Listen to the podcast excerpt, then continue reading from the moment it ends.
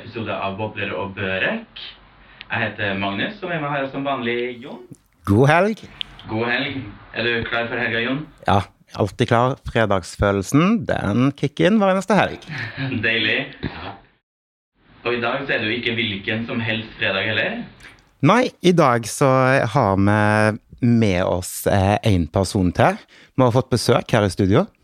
Det er vel eh, poddens første gjest, faktisk. Det er det. Ja, Aller første gjesten, så det er stas. Vi har eh, gleda oss veldig masse til dette. det har vi. Så, og da så er jo dagens gjest eh, Veronica Orderud. Velkommen skal du være til Bobler og børek. Ja, tusen takk. Det er en ære å få ha deg her. Oi, takk for det. Mange kjenner Veronica gjennom media, og da først og fremst som en av fire dømte i Orderud-saken, kanskje Norges mest omtalte drapssak gjennom tidene. Veronica ble i 2001 dømt til 21 års fengsel, lovens strengeste straff, for medvirkning til overlagt drap på sin svigersøster Anne Orderud Paus og sine svigerforeldre Marie og Christian Magnus Orderud. Veronicas daværende mann Per Orderud, hennes halvsøster Kristin Kirkemo og Kristins venn Lars Grønnerød ble også dømt for medvirkning i trippeldrapet, men vi vet enda ikke hvem som skjøt Orderud-familien i pinsa 1999. Nå har de alle fire sona sin straff. Nyter du livet på utsida, Veronica? Ja, ja, ja. ja. Selvfølgelig. Altså, det var jo på en måte som å få livet i gave og slippe ut. Hvor gammel var du når du begynte med soningen? Mm, se. Eh, Jeg var jo 27 i 1999. eh, Og så satt jeg jo da sammenhengende inne fra 2001, så da var jeg vel 29, da. Ja. Det er liksom Ja. egentlig akkurat når det voksne livet har begynt på ordentlig, så blir du satt til sides.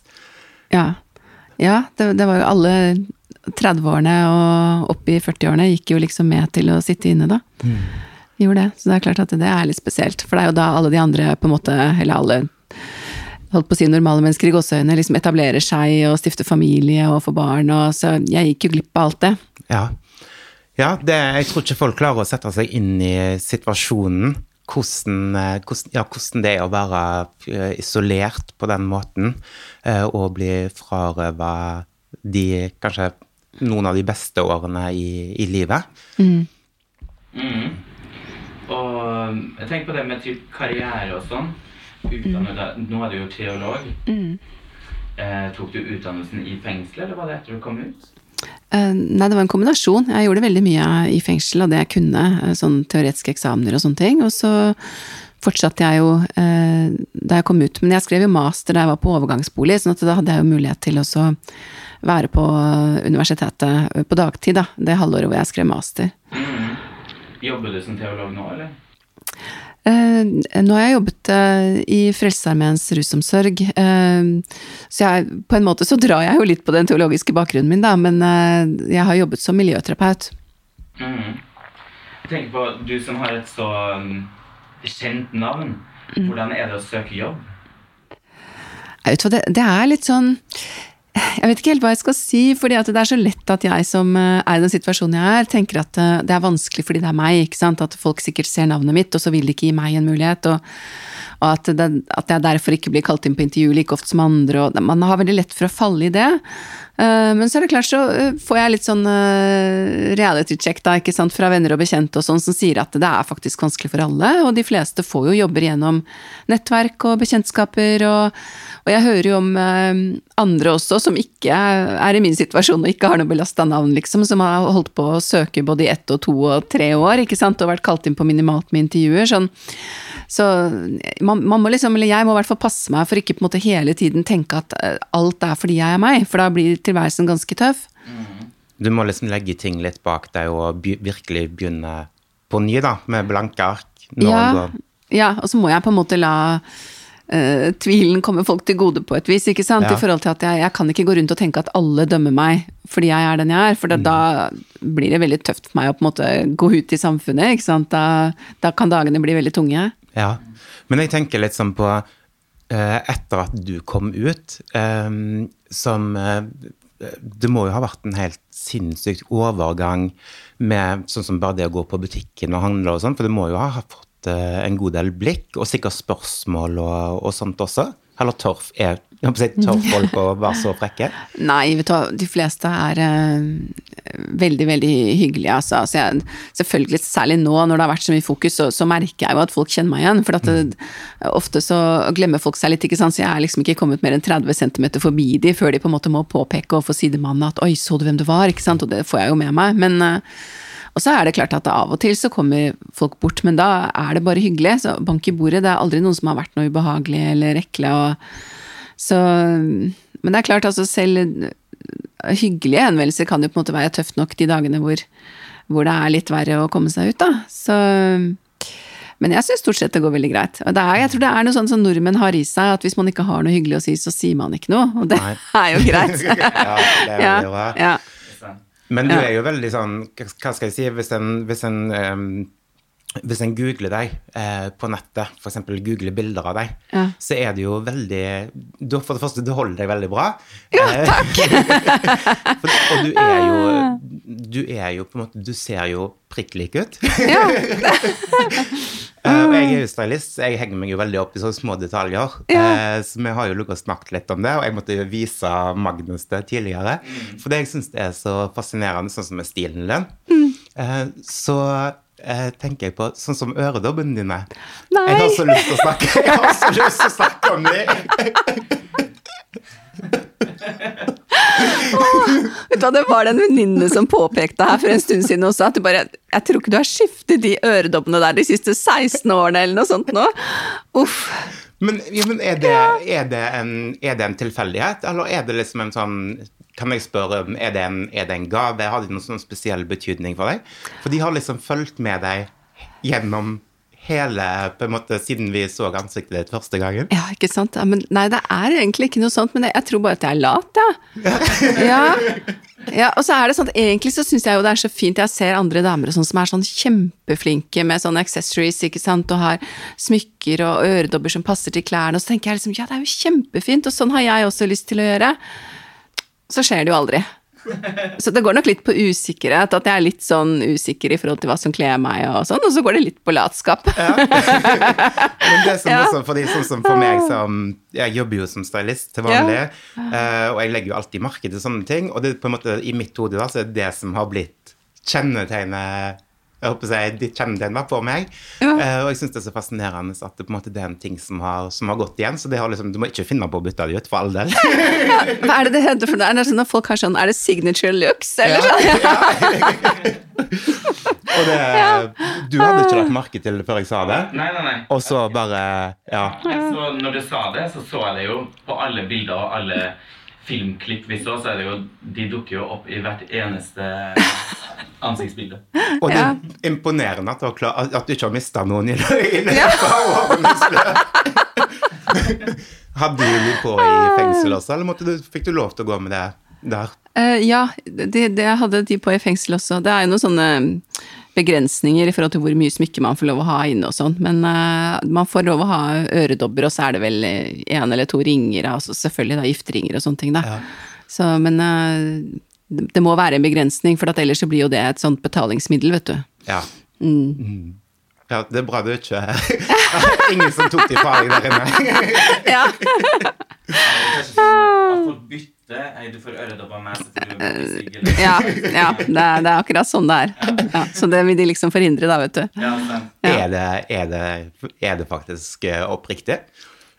At, at, det blir gjort Er det sånn som vi ser på film, eller kan du f.eks. kunne du ha bytta bort uh, øredobben din i en skjult telefonsamtale, eller sånne ting? Ja, ja, ja, ja, ja. ja. Det er akkurat sånn som du ser på film, det der. Ja. ja. Og da kan man jo også tenke seg sånn at når de setter kvinner inn i mannsfengsler, da, ikke sant, så da kan man jo tenke seg ja. hva man da kan bytte i, ikke sant. Mm. Ja, for du har vært i begge deler? Ja. Mm. Hvordan, mm. eh, når du først eh, kom inn, var du da i et kvinnefengsel, eller var det blanding da? Eh, ja, helt til å begynne med så var jeg på Bredtvet. Og mm. så satt jeg den første varetektsperioden på Gjøvik, som i og for seg er et mannsfengsel, men det er også et cellefengsel. Og da hadde jeg også fulgt forbud og sånn, så jeg hadde jo ikke noe kontakt med de andre innsatte i det hele tatt. Uh, og så var jeg en tur tilbake på Bredtvet igjen, og så flytta jeg til, til Skien. ikke fordi jeg ville, men fordi at Kristin, søsteren min, eller halvsøsteren min, satt jo også i fengsel på den tiden, og hun hadde barn, sånn at hun hadde på en måte første rett til å være på Bredtvet. da. Mm. Og da måtte jeg til Skien, og det var jo et, ettmannsfengsel. Og da var jeg der i nesten åtte år. Mm. Hvordan, hvordan, var, hvordan var det? Vil du si noe om opplevelsene der? Hvordan i forhold til, hvordan, i forhold til å sitte i et uh, fengsel med kun kvinner? Uh, ja, altså nå har jeg snakket ganske mye om det sånn i offentligheten. Jeg har liksom brukt enhver mulighet til å argumentere for at kvinner ikke skal sitte i mannsfengsel. Uh, og det er, jo, det er, jo, flere grunner til det. Altså for det første så er det at det, det er så veldig, veldig få kvinner. Og det gjør at alt er tilrettelagt på menns premisser hele tiden. Så det tilbudet kvinnene får, da, både i forhold til utdanning, eh, altså skole, arbeid, eh, fritid og ikke minst rehabilitering, eh, blir så dårlig. Fordi at alt er på menns premisser. Og hvis kvinner i det hele tatt får noe tilbud, så er det på en måte ikke tilrettelagt spesielt for kvinner. Og så er det også dette at når, altså alt samvær da, som, som, på en måte skjer felles, ikke sant, hvor man da har uh, gjerne da altså skole, arbeidsdrift, uh, trening, lufting. Alt dette her er jo da felles. Og da blir det så overveldende stort antall menn i forhold til de få kvinnene. Altså i verste fall så var det jo faktisk var jeg alene på en avdeling hvor det var 30 menn. I beste fall så var vi kanskje en fire-fem damer. Uh, og det, det, blir uoversiktlig, og selv om fengselsbetjentene gjør sitt beste, så klarer de ikke å ha oversikt over alt som skjer. Uh, ja, det er, det er liksom det, stygge kommentarer, det er trakassering, det er uh, tafsing, ikke sant, og, og, og i verste tilfelle, altså, det har ikke skjedd meg personlig, men jeg har jo hørt om andre som har opplevd direkte overgrep og mm. voldtekter, og det har jo da gjerne vært i litt mer åpne avdelinger hvor det er mindre kontroll fra, fra betjentenes side, da. Men vil det si at du har levd når du satt inne, mm. Eh, har du da levd med en konstant frykt? Har du vært redd, gått rundt og vært bekymra for at det skal ha skjedd deg noe? Nei, ikke sånn konstant, men det har vært episoder hvor jeg har vært engstelig og vært mm. redd. Det har det vært. Og det, Altså, nå er det ikke sånn at jeg går rundt og sier at alle menn som sitter i fengsel er farlige på noen måte, eller er liksom nei, seksuelle rovdyr, eller for all del, det er ikke det jeg sier, men vi må jo huske på at, at uh, Skien er jo et, altså et høysikkerhetsfengsel, ikke sant, mm. hvor det altså, gjennomsnittlig domslengde er syv år. Og det er jo klart at uh, mange som sitter der, har jo begått narkotikakriminalitet og, og altså voldskriminalitet og uh, ikke noe seksuelle overgrep eller noe sånt, det er ikke det jeg sier, men altså, det er jo også Eh, de som har gjort det. Og det, og det er også sånn at Uh, når man sitter på en så lang dom, så sitter man jo faktisk fire år inne før man har muligheten til å søke om permisjon. Mm. Og da, da, sier det seg selv at uh, når menn blir sittende så lenge i fengsel uten å se annet enn kvinnelige fengselsbetjenter, og de der på en måte Det dukker opp kvinner i fellesskapet, mm. så, så, er jo det et problem. Ja, sant. Er det har man på en måte sin gjeng i fengselet når det er lufting, eller når det er noe felles, eller om det er åpne dører, eller sånn? Uh, ja, det er litt sånn opp og ned, da, ettersom uh, hva slags sikkerhetsnivå man er på og sånne ting. Uh, men så er det sånn, også noe sånn veldig forskjellig, fordi at sånn som i Skien så var det et veldig sånn tradisjonelt hierarki, sånn som man ser på TV. Veldig sånn, ikke sant, at det var disse som satt på de lange narkotikadommene og på en måte gikk rundt med Rolexer og, og dyre klær og, og, på en måte hadde mest uh, makt og, og, penger ute i det kriminelle miljøet, som også hadde fengsel. Og så var det liksom de rusmisbrukerne og, da også disse som var dømt for seksuelle overgrep og incest og sånn, som selvfølgelig var helt nederst på rangstigen, ikke sant. Og som heller ikke hadde anledning til å sitte på åpne avdelinger, for da ble de mishandlet, da. Eh, så, så, hierarkiet var på en måte akkurat sånn. Eh, mens uh, i kvinnefengsel så er det veldig annerledes. Og det var jo skikkelig wake-up call for meg, fordi at jeg hadde jo på en måte vært nødt til å innrette meg etter sånn som det var i Skien, ikke sant. Så når jeg da kom tilbake til Bredtvet etter eget ønske, så Nei, da var jeg en skikkelig hard ass, ikke sant? Nei, men jeg bare husker fordi at du vet, Skien fengsel er jo De har jo en sånn syv meter høy sånn ringmur vet du, rundt hele fengselet, så på en måte det er jo pent i og for seg inne på området, men du ser jo den muren. Det er på en måte alt du ser. Du ser jo på en måte ikke vanlige mennesker som ikke har uniformer. Og, og, som ikke er innsatte, da. Så da jeg kom til Bredtvet, eh, så kom jeg jo først da opp i tredje etasje der, så de hadde liksom utsikt over, ja, du vet, over parkeringsplassen der, og over folk som luftet hundene sine, og barn som gikk til og fra til skolen, og Så jeg, altså, de første tre døgnene så bare satt jeg i vinduet. Altså bare fikk Det var jo ikke noe mur, ikke sant, der er det jo bare et gjerde. Du fikk endelig se type vanlige mennesker. Ikke sant? Ja, ja. Jeg satt i tre døgn og bare tittet på alle disse vanlige menneskene og folk som ruslet rundt med hundene sine, og bare wow! ikke sant? Det var sånn enorm frihetsfølelse, bare å slippe å se den muren. Ja. Uh, og så var det selvfølgelig altså Det er et helt annet uh, miljø, det går liksom ikke an å sammenligne. Altså jeg, jeg, husker første gangen uh, jeg så disse jentene liksom kaste seg om halsen på fengselsbetjenter og sånn. Jeg fikk jo helt Hva er det dere holder på med? Hva er dette for noe? For det gjorde man jo ikke i Skien. Altså hvis man altså Til og med det å kunne snakke snakke med en fengselsbetjent. Hvis de andre så det, så var jo det mistenkelig. Ikke sant? For da kunne man jo bli skyldt for å snitche eller for å ja, si noe man ikke skulle si, eller Så det var liksom ikke kontakt. Det var ikke greit med kontakt mellom innsatte og ansatte, da. Mens i, som sagt, på Bredtvet så var det jo nærmest som en familie, vet du, og fengselsbetjentene slenger seg i sofaen med jentene og tar en vaffel, og i Skien så rører de jo ikke maten som lages på innsatteavdelingene, for de er jo livredd for hva det kan være i den, sant. Ja. Så Jeg med at det var da mer I kvinnefengselet så var det mer eh, mulighet for sosialt samvær med de andre som var innsatt og sånn? Ja, det er jo det. er mye mer sånn, eller i hvert fall den gangen. Nå tror jeg det, det har jo blåst ganske kalde vinder i kriminalomsorgen. Altså nå, og så har de jo vært utsatt for stadig reduserte budsjetter og sånn, sånn at dessverre så tror jeg det at de er mer og mer innlåst, også jentene. Men eh, da jeg var der, så var det veldig mye at vi var fungerte som en gruppe på en måte på en avdeling, da. Altså vi var jo selvfølgelig låst inn om natten. Uh, I hvert fall på de liksom første avdelingene. Uh, det var jo avdelinger hvor dørene også var åpne. Uh, men da var det på en måte litt sånn mer sånn familiært, da. At, uh, altså, og det er noe med damer, ikke sant, at uh, i et sånt fellesskap så får alle på en måte en rolle. Noen var jo kjempeflinke å lage mat, ikke sant, og noen hadde mer sånn morsrolle, og noen liksom sørget for at uh, alle fikk vasket klærne sine, og liksom, det var mer sånn Litt som Orange is the New Black? Ja, ikke sant? Litt mer sånn. ja. Ja. Fikk du noe kallenavn? Nei. Det, nei. kan ikke huske det. Ja, de sa Veronica Levero, tror jeg. Ja. Vi snakka om det. Ja. Vi tenkte å, nå som vi er venner, så kanskje vi skal kalle deg Vero. Etter at du slapp ut, har nettverket blitt mindre i forhold til på en måte um, før, du, før du havna i fengsel, så måtte du jo ha på en måte masse bekjentskap og sånn, så kanskje det har blitt mindre og mindre og mindre etter hvert som du har vært flere år i fengsel, eller? Nei, jeg syns egentlig ikke det. Jeg syns at de vennene jeg hadde før dette hendte, har vært veldig flinke til å holde kontakten. Og flinke til å komme på besøk. Og selv om det er jo så begrensa, man har jo lov til å ha ett besøk på én time i uken, sånn at det blir jo veldig begrensa. Ja. Eh, men jeg syns de har vært veldig flinke til det. Og eh, så det er klart, jeg har jo fått et litt annerledes og utvida nettverk nå, da. Altså, ja. Det har jeg jo selvfølgelig fått. Altså, jeg har jo i og for seg venner fra alle perioder. Altså både fra, fra skole og universitet og, og, eh, på en måte også fra voksenlivet seinere. Men, eh, men, så er det klart jeg har fått en, del venner som, som, lever litt andre liv. Eh, og det er klart, Oslo er en veldig liten by. Mm. Sånn at jeg kan jo neppe Jeg kan liksom ikke bevege meg noe særlig i Oslo før jeg på en måte blir ropt på og det, kan jo være artig av og til. Noen ganger så, så kan det være litt pinlig. Så jeg har jo stått inne på parfymeriet på Sten og Strøm og sånn, og liksom bare å, nei, liksom. liksom ja, nei, jeg liksom tenkt at nå, her skal jeg liksom stå og prøve å være litt fin dame, ikke sant, og så bare ja, ja, ja, glem det.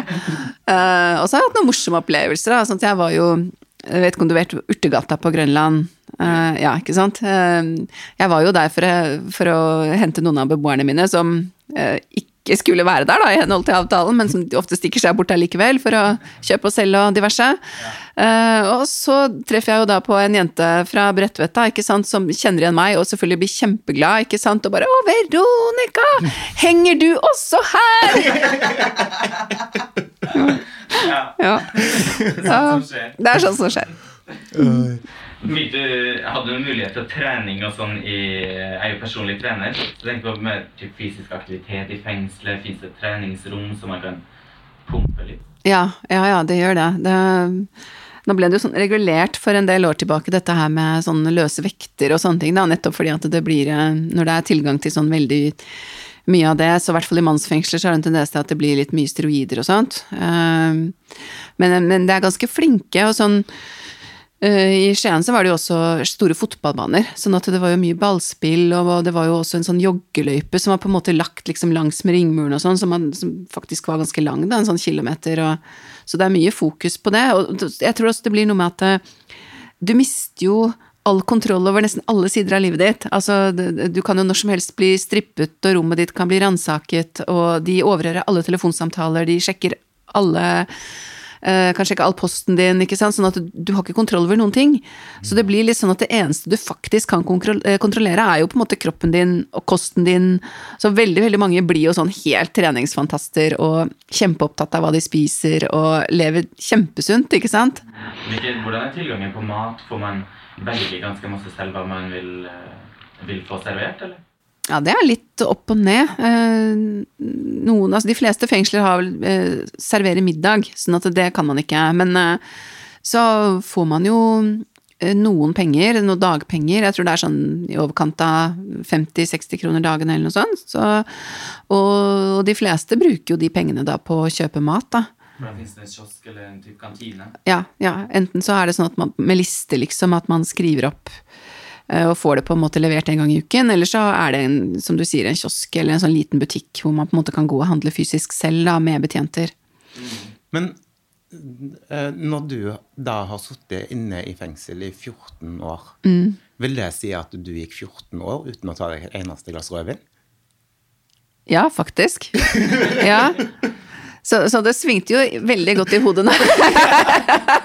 Jeg bare kom på ja, det sånn, ja. Nå, liksom endelig å komme og så ja, er det veldig mange som liker å ta seg et glass vin og slappe av. Ja. Billig drift da, på første Ble veldig billig drift, ja. Altså, sånn sett så er det klart at det livet innenfor murene er altså, Man er jo veldig sunn. Mm. Altså, det er så rutinepreget. ikke sant? Altså, man legger seg til samme tid hver dag, man står opp til samme tid hver morgen. Altså, jeg benyttet jo muligheten til å trene, så jeg trente jo mer eller mindre hver eneste dag. ikke sant? Og så, så, det, så, man er jo, man lever nesten som en toppidrettsutøver, vet du. Man er jo kjempesunn. Ja. ja. Men jeg vet jo det er mange som, som, sammenligner Det er jo folk som ikke har vært i fengsel, som mm. sammenligner da norske fengsler med hotell. Mm. Og sier at det, de har det så godt som på hotell. Mm. Uh, har du det?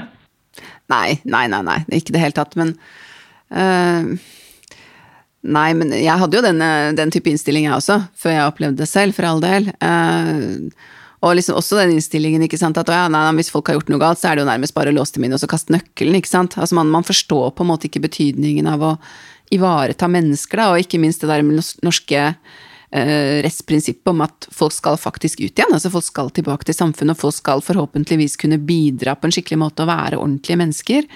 Eh, og da nytter det jo ikke å bare låse folk inn og så la de sitte der eh, for seg selv og så ikke ha noen form for stimuli, og så skal man liksom komme ut og være et bedre menneske. Det skjer jo ikke, det forstår de fleste. Ja. Um, Nei, og så er det også det at de fleste, eller meste av den såkalte luksusen man har i norske fengsler, da, sånn som for eksempel bad på rommet og fjernsyn på rommet og sånne ting, det er jo for at ikke betjentene skal jobbe seg i hjel. For da jeg kom til Bredtvet, så var det ikke toaletter på rommene. Uh, og da måtte jo som regel 45 jenter på toalettet i løpet av natten. Sånn at hele natten så hørte du jo betjentene løp i trapper, og der var det ikke heis heller, ikke sant, i den gamle bygningen. Så du hørte jo da betjenter løp i trapper stort sett hele natten for å låse jenter ut på toalettet. Og det er klart, når det da ble installert toalett på rommene, så var jo ikke det fordi at jentene skulle ha tilgang på toalett. For det, tvert om så er det jo ofte sånn at uh, i de periodene hvor man da sitter på forbud, f.eks., for og ikke får lov å komme ut av rommene, så er jo nettopp det å få lov å komme ut for å gå på toalettet eller å ta seg en dusj, det er jo kjempeålreit.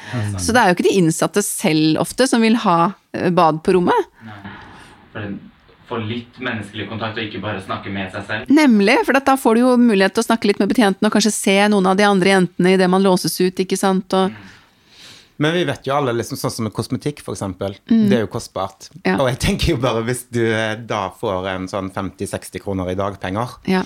eh, og det, du skal kjøpe mat og sånn, som det alt av Når det kommer til beauty og skjønnhet, mm. er det eh, har dere tilgang på noe da, hvis du trenger en ny maskara, eller må du da spare av matbudsjettene, eller ja? Ja, du må jo spare, eller så får jo altså de fleste, ikke alle selvfølgelig, men de fleste har jo familie eller venner eller sånn som hjelper til, da.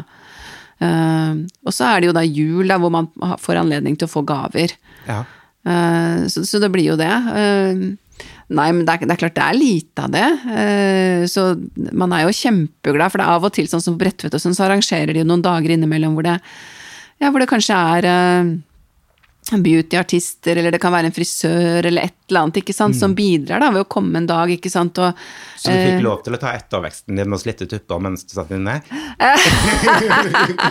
uh, nei, ja da, men det ble liksom litt sånn, som du sier, litt sånn innimellom hvis uh, Men det er veldig mange som er veldig, veldig snille og veldig ålreite og ønsker å bidra i forhold til de som sitter inne. Uh, det er det. Og sånn som Fretex og Frelsesarmeen kommer jo gjerne med klær, ikke sant. og så ja, så er det som sagt da privatpersoner, altså frisører, som gjerne sier at vi kan komme en dag, ikke sant. Og sånt er jo utrolig ålreit. Det blir jo så satt pris på. Ja, det kan jeg tenke meg. Ja. Hadde du mulighet til å jobbe med noen ting Jeg vet en del, eller jeg har hørt en del om pallesnekring, for ja. eksempel. Ja. Jobba du noen ting når du var i fengsel? Uh, ja, jeg gjorde litt. Jeg var litt i vaskeriet. Uh, det var i Skien, da. Uh, og så er det som du sier, det er jo arbeidsdrift, da. Og da hvor man penger på det, eller? Nei, altså det er det samme, du får det samme, de samme dagpengene. Ah, okay. så uansett hvor mye du jobber, så får du samme beløpet på 50-60 kroner dagen, liksom. Så det er ikke noe overtid eller Nei, nei for det er arbeids- eller skoleplikt, vet du. Sånn at man mm. skal i utgangspunktet gjøre noe hvis man ikke er syk, da. Ja. Så nei da, så det er mye sånn snekring, og i Skien så hadde de jo stort snekkerverksted, og også sånn mekanisk verksted og sånn, hvor de laget alt fra sånne, du vet, sånne store hva det heter for noe, boblebad i tre, vet du, sånn som man får ha på hytta? Ja, ja sånn ja. Badestamper og mm. Lagde du julegaver når du satt inne? Ja, jeg, jeg gjorde det. Men det var eh, Uff a meg. Eh, det var faktisk på Bredtvet. Jeg ble litt sånn flau for at det var noe Jeg tror det var, det var en måned siden eller et eller annet sånt nå, så var jeg sammen med tanten min. Og så viser det seg at en veske som jeg da sydde på den arbeidsstua på Bredtvet, den har hun fortsatt som toalettveske. Så det var litt sånn derre oh shit. Jeg syns jo den var helt forferdelig. Ja. ja. Men eh, ikke for å sammenligne det, men mm. eh, for noen år tilbake så var jeg med på Farmen. Mm. Eh, jeg var da Jeg satt ikke på en celle, men jeg var jo isolert fra eh, hva skal jeg si, omverdenen i ja. ti uker. Uh, og jeg hadde ikke telefon eller sånne ting. Og når den dagen jeg sjekket ut, uh, så fikk jo jeg på en måte komme tilbake til hverdagen. Mm jeg satt og tenkte litt på dette tidligere i dag. For jeg ble så utrolig sliten. Bare det av å høre trafikk. Jeg klarte ikke å snakke i telefonen. Mm. Og jeg måtte liksom egentlig isolere meg og ville være alene. Mm. Og da tenker jeg på sånn som når en da øh, har sittet i fengsel og kommer ut til hverdagen igjen. Mm. Alle inntrykk og sånt. Du må jo ha gjort øh, veldig mye med hodet ditt. At du på en måte Det blir veldig sånn sterkt å ta alt innover seg igjen. Ja, jeg hadde akkurat samme opplevelsen som du, øh, som du snakker om nå. fordi at det er jo noe med at eh, selv om man på en måte lever et slags liv også uh, i fengsel, altså har fellesskap med andre og sånn, så, så, er det jo allikevel veldig mye tid for seg selv. Mm. Det er jo veldig mye tid hvor man er innelåst. Og det Altså, i begynnelsen så skremmer jo det vettet av en. Uh, men etter hvert, ikke sant, når det går over år, så blir jo det veldig godt. Altså, mm. jeg var sånn at jeg klarte ikke å slappe av på kvelden hvis ikke døren var låst. Jeg måtte mm. låse døren. Altså, selv da jeg kom på åpen avdeling, så måtte jeg låse døren min. Jeg kunne ikke legge meg til å sove eller slappe stoppa foran fjernsynet eller noe som helst hvis at den døren var åpen. Uh, og det er, jo litt med det at når du føler at du på en måte er helt trygg og helt for deg selv, så kan du reparere murene dine litt og liksom Jeg liksom føler at du liksom tar litt vare på deg selv og, og den muligheten har man jo ikke på samme måte ute i samfunnet i det Nei. hele tatt, ikke sant. Uh, og det var sånn skikkelig tøft, syns jeg. For det var akkurat som du sier, at bare det i begynnelsen sånn uh, når jeg studerte, ikke sant, og skulle være en dag på Blindern, så var jeg helt utkjørt. Mm. Uh, og så hadde jeg noen veldig sånn velmenende venninner de første tre-fire månedene, som var så redd for at jeg da skulle isolere meg og være alene. Og sånn at De var jo på en måte på meg hele tiden. vet du. Det ble jo altfor mye. Jeg gikk jo nesten på en smell, ikke sant? for jeg følte at jeg ble jo helt spist opp. Så nei, du kan tenke deg når man har vært så isolert over så mange år.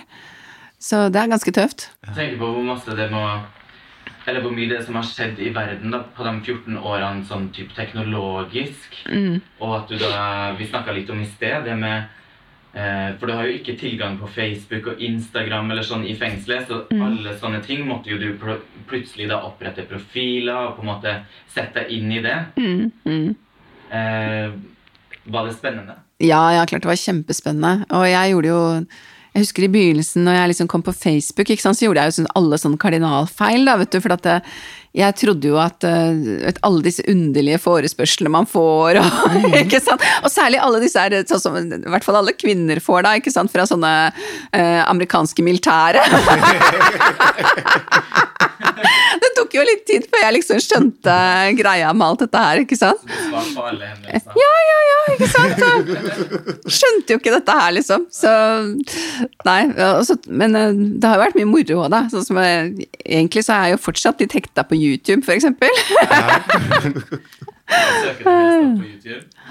Uh, nei, vet du, det må jeg tilstå at det er mye sånn som jeg føler at jeg har gått veldig glipp av i alle disse årene. Da. Sånn som du snakket om, da, med sånn styling og fashion og makeup og Der har jeg liksom mista mye, syns jeg. Det syns jeg er veldig gøy. Og ja, ja, ja, jeg sitter og ser da, ikke sant, og lærer å prøve på å bade og sånn. Og så fortalte jeg søsteren min om dette her, da, for jeg var så kjempebegeistra. For at nei, det er så bra, vet du, det ligger sånne instruksjonsvideoer, vet du, du lærer hvordan du skal Og så sier hun bare ja, ja, men dette holdt jeg på med på badet da jeg var 14. Jeg var, ok! Ja. Ja, det er akkurat det der. Ja. Men um, sånn som når det kommer til sosiale medier og sånt, sånn som jeg har forstått det nå, så er du singel. Um, uh, hvordan uh, hva skal jeg si, Er du på sånn som Tinder, og sånne ting? Har du testa ut det? Nei, nei, nei. Nei, nei, jeg, har ikke, nei, nei, jeg har ikke testet noe sånt, altså. Nei, nei, nei, jeg tør ikke det. Nei. Men, er du, men sånn som eh, eh, Hva skal jeg si, sånn som når det kommer til uteliv, er du ute med venner? eh, går du ut og spiser? Går du på nattklubber? og Sånne ting? Ja, altså, nå skal ikke jeg skryte på meg så mye, da, men øh, jeg har jo vært ute med venninner og sånn, absolutt. Um, øh, gjør det innimellom, og går jo liksom på kino og på teater, og går ut og spiser middag, og vi kan gå på liksom en pub eller bar etterpå og ta et glass vin eller to og sånn, det kan jeg gjøre. Ja. Men jeg er nok ikke sånn som er ute på byen til klokken fire-fem om morgenen og sånn, det Nei. Men jeg tenker bare sånn som hvis en er ute på, um, ute på livet, da, håper jeg, og hvis det, ofte når folk da har drukket et glass vin eller to, så så forsvinner jo ofte masse hemninger og sånt, og merker du det, at det blir mer trygt, og at folk blir litt mer uredde og kommer med spørsmål kanskje om angående saken og sånne ting? Ja, jeg gjør det. Eh, Men, men heldigvis har det også i og for seg bare vært hyggelig. Men Ja. eh, det er klart du merker det, at det kan bli litt mer oppmerksomhet. Ja. Ja. Nå er det jo snart jul. ja. Eh, er du en sånn, Liker du en type familiejul, eller hvordan, hvordan feirer du jul? Feirer du på samme måte som du gjorde før du havna i fengsel? Ja, jeg gjør i og for seg det, men det er klart det har på en måte blitt litt eh, et litt annet fokus, tror jeg. Fordi at eh, eh, det er klart i alle disse årene eh, så har det jo vært veldig sånn verdijul, på en måte. Fordi at eh, det var jo ingen som hadde noe. Altså det var jo ingen som hadde penger til julegaver, eller altså Høydepunktet var jo på en måte den konfektesken du fikk fra Frelsesarmeen, ikke sant? Ja. Og liksom det vi fikk av liksom ekstra godis og, og sånt noe. Sånn at uh, det ble en veldig sånn tradisjonell verdijul. Altså man lærte seg å på en måte å sette pris på julen for det julen var. ikke sant? Og, og så skjedde det jo så lite. sånn at Alle deltok jo på liksom gudstjenesten på julaften. og uh, alle var jo med når liksom Frelsesarmeen kom første juledag, ikke sant. og ja, det, selvfølgelig da fordi at det ikke var noe andre tilbud, men, Ja. men også fordi at man fikk jo veldig stemning av det. Så det var julestemning i, i fengselet? Ja ja, det syns jeg absolutt. Hadde juletre? Ja da, vi hadde juletre og julekaker og julemat og julestemning. Mm. Hvilken julemat eh, fikk dere? Da det tror jeg var eh, ribbe på julaften, i og med at vi er på Østlandet. Så, men så fikk vi sånn tradisjonell julemat sånn utover i romjulen og sånn. Så det var som regel også pinnekjøtt en dag og Så det, det er veldig bra. Hva skal du spise på julaften i år? Så Det har jeg egentlig ikke helt bestemt meg for. For jeg, jeg har vært litt sånn i tenkeboksen egentlig ganske lenge. For jeg, jeg liker jo i og for seg ribbe, og det, jeg er jo vant til det. Jeg er jo vant, liksom, vant til ribbe og pølser og medisterkaker og hele opplegget. Men hvis jeg skal være helt ærlig, så er det jo ikke det beste jeg vet. Altså, ikke sant? Det er noe med at, så jeg tenkte kanskje at det skal jeg liksom på en måte nå si at vet du hva, nå er jeg så voksen at nå vil jeg faktisk ha noe annet enn rim på julaften. Eller må jeg liksom holde fast på tradisjonene? Så, litt usikker.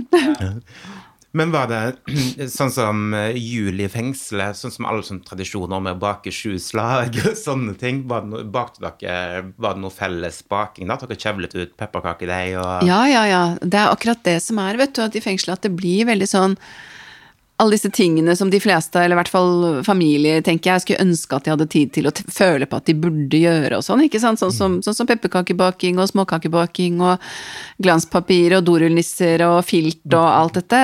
Det gjør vi i fengsel. Ja. Det er det vi gjør. Man blir innmari god på filt. Hvor mange dorullnisser hadde du på rommet ditt? Nei, vet du hva, jeg tror det, var, det ble julegaver. Hadde du blitt glad for en sånn julegave, Jon? Ja, jeg hadde det. Ja, det er det. Men ellers sånn som eh, du sa jo i sted, at eh, du fikk lov til å motta julegaver fra venner og familie og sånn. Mm. var det sånn da at du på en måte, når du mottok gaven, så kunne du se at den var, allerede var pakket opp og teipet sammen igjen? Eh, for du må jo være sikkerhet på det at det at det ikke kom inn ting som ikke skal komme inn da bak et fengsel. Ja, nei, men akkurat det var litt sånn lite eh, lite eh, romantisk, holdt jeg på å si, akkurat rundt det der åpningen av de julegavene. For at vi måtte jo faktisk De ble ikke åpnet opp og pakket inn igjen, men vi måtte ned i vakten da og åpne julegavene under påsyn. Ah, Så sånn sett så var jo det litt sånn, men allikevel så var det jo det der gleden av at du fikk ting som du ikke hadde tilgang på ellers, da. ja. Det var ingen som ga noen ting bare for at du skulle bli pinlig berørt? Nei, ja. Innbakt fil og sånn. Nei, nei da, nei, jeg har aldri opplevd det. Men det var jo veldig sånn klare, klare retningslinjer i forhold til hva som var tillatt og ikke. da, ikke sant? Blant annet kunne man jo ikke få noe spiselig da, ikke sant. Ja. Så ja, og så selvfølgelig heller ikke noe alkohol, og det er jo sånn som sier seg selv, ikke sant. ja. Ja. Men, eh, men når, du, eh, når du var ferdig å sone, hva var det første du på en måte uh, kasta deg ut i som du hadde hatt eh, Ja, som da savna, da, når du var inne? Men jeg, jo, jeg var litt heldig, fordi at eh, som en av veldig få jenter, så fikk jo jeg komme på overgangsbolig. Så jeg bodde jo nesten et år på Sandaker i overgangsbolig, og da fikk jeg jo en sånn gradvis tilnærming.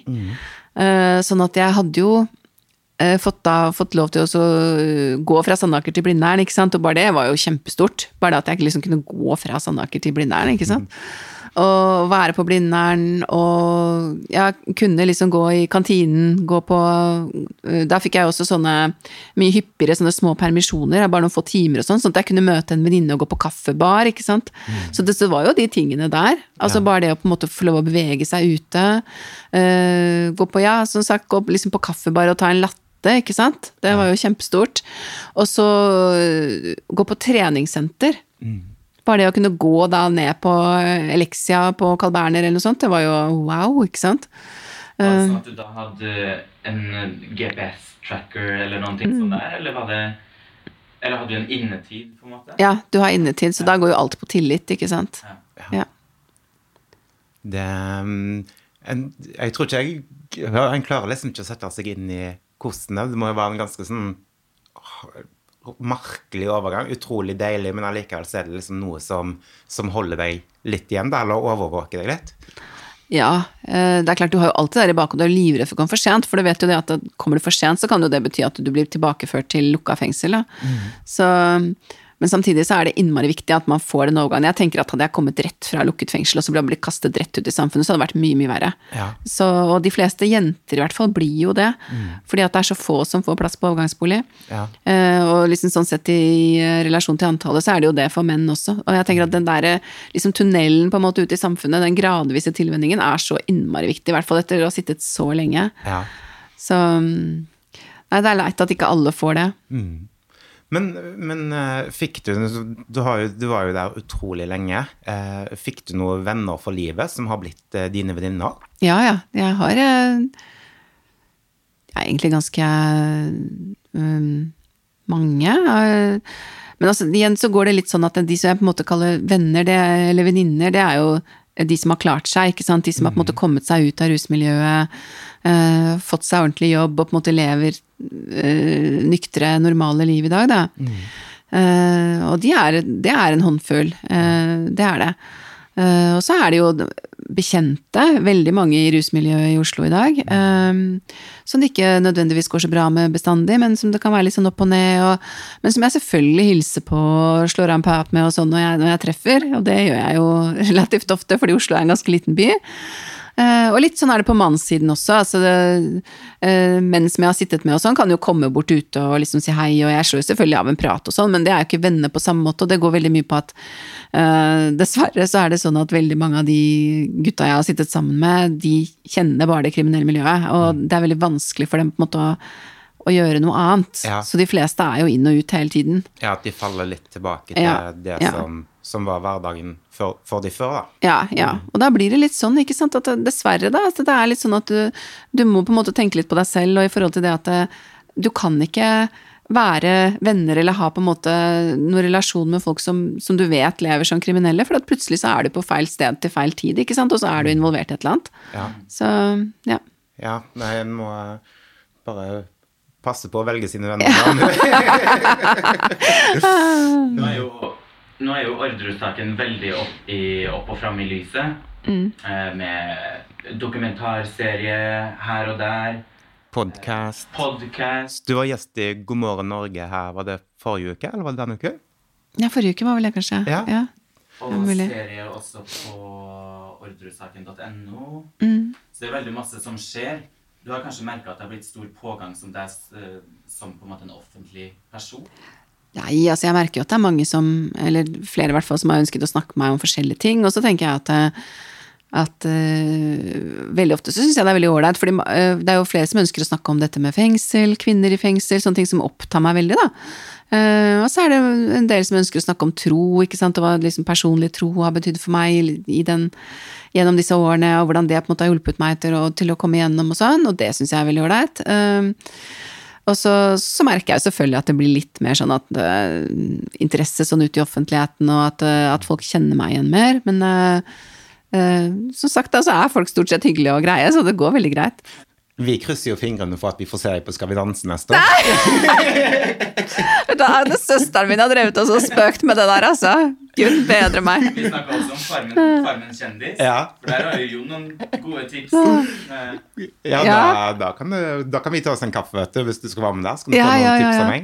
Ja, ja, vet du hva, akkurat det der med Farmen har jeg tenkt på noen ganger, for at nesten hvert eneste år så blir det jo sånn derre fullt opprør, ikke sant, når et eller annet må slaktes eller noe sånt.